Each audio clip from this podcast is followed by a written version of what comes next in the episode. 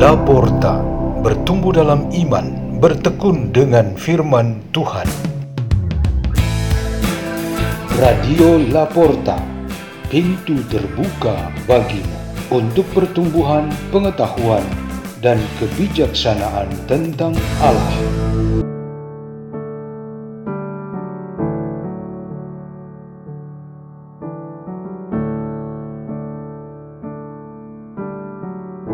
Bacaan dan Renungan Sabda Tuhan Hari Rabu Pekan ke-32 Masa Biasa 9 November 2022 Pesta Pemberkatan Gereja Basilika Lateran dibawakan oleh Gaspar Masan dan Justina Niut dari komunitas Pukat Labuan Bajo Keuskupan Ruteng Indonesia.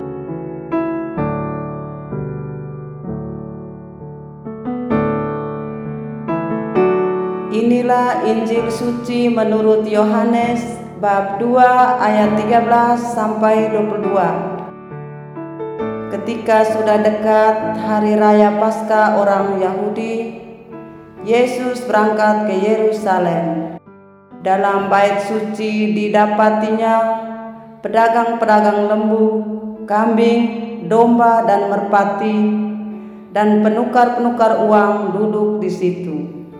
Maka Yesus membuat cambuk dan tali, lalu mengusir mereka semua dari bait suci. Dengan semua kambing, domba, dan lembu mereka, uang penukar-penukar dihamburkannya ke tanah, dan meja-meja mereka dibalikannya kepada pedagang-pedagang merpati. Ia berkata, "Ambillah semuanya ini dari sini." Jangan kamu membuat rumah Bapakku menjadi tempat berjualan. Maka teringatlah murid-murid Yesus bahwa ada tertulis, Cinta untuk rumahmu menghanguskan aku. Tetapi orang-orang Yahudi menantang Yesus, katanya, Tanda apakah dapat engkau tunjukkan kepada kami bahwa engkau berhak bertindak demikian? Jawab Yesus kepada mereka, Rombaklah bait Allah ini, dan dalam tiga hari aku akan mendirikannya kembali. Lalu kata orang Yahudi kepadanya, empat puluh enam tahun orang mendirikan bait Allah ini, dan engkau dapat membangunnya dalam tiga hari?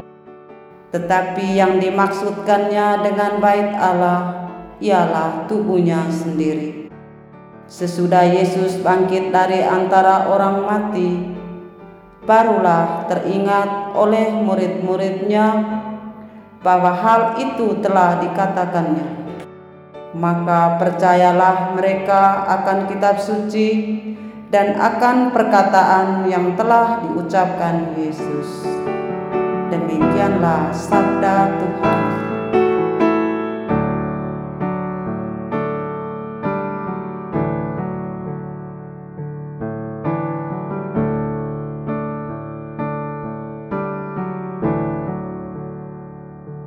Renungan kita pada hari ini bertema tak nyaman kalau gereja kotor. Pada hari ini, seluruh gereja memperingati pemberkatan gereja Basilika Lateran Roma. Basilika ini termasuk satu dari empat gereja terbesar di kota Roma, Italia. Basilika itu adalah katedralnya Uskup Roma, yaitu Paus. Basilika ini dikunjung tiap hari oleh para peziarah dari seluruh dunia sebagaimana juga basilika-basilika yang lain. Pada suatu ketika di antara para peziarah ada dua bocah, kakak dan adiknya, mengambil air suci di bencana persis di pintu masuk basilika.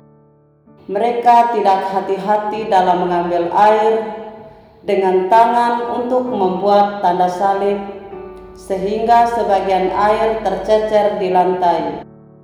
Petugas security menegur mereka karena perbuatan itu jelas mengotori lantai basilika. Kedua orang tua bocah tersebut segera memakai apa pun kain dan sapu tangan yang ada pada mereka untuk melap lantai yang sudah basah. Kedua bocah itu juga ikut melap dengan menggunakan sal yang melingkar di leher mereka. Anak-anak itu mengerti bahwa ada larangan untuk mengotori gereja. Rumah ibadat kita dipandang kotor dari berbagai aspek penilaian. Kotoran itu berupa debu dan barang-barang sisa yang lain.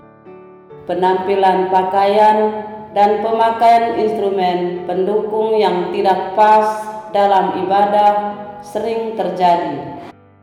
Tingkah laku seperti bercerita, dering seluler, bercanda, bertengkar, dan tidak kekerasan terjadi juga.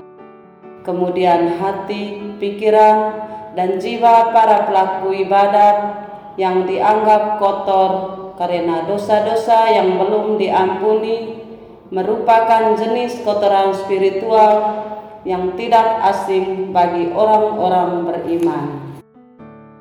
Rumah Tuhan tentu tidak dapat dikatakan indah dan bermartabat suci kalau semua jenis kotoran ini terdapat di sana.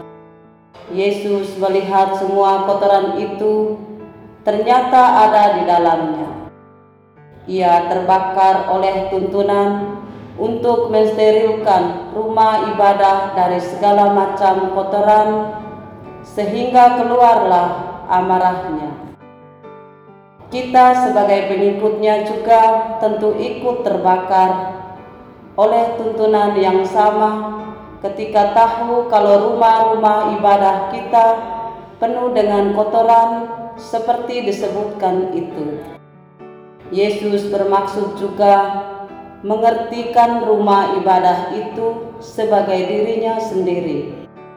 Demikian juga secara teologis kita ingin mengertikan rumah ibadah itu adalah diri kita sendiri seperti dikatakan dalam bacaan kedua hari ini berhadapan dengan segala bentuk desakralisasi entah dengan kata-kata entah dengan perbuatan sehingga tubuh kita menjadi tidak banyak bagi Tuhan.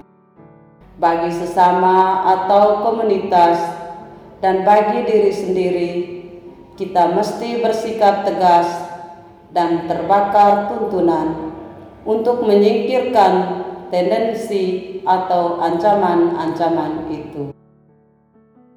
Marilah kita berdoa dalam nama Bapa Putra dan Roh Kudus. Amin.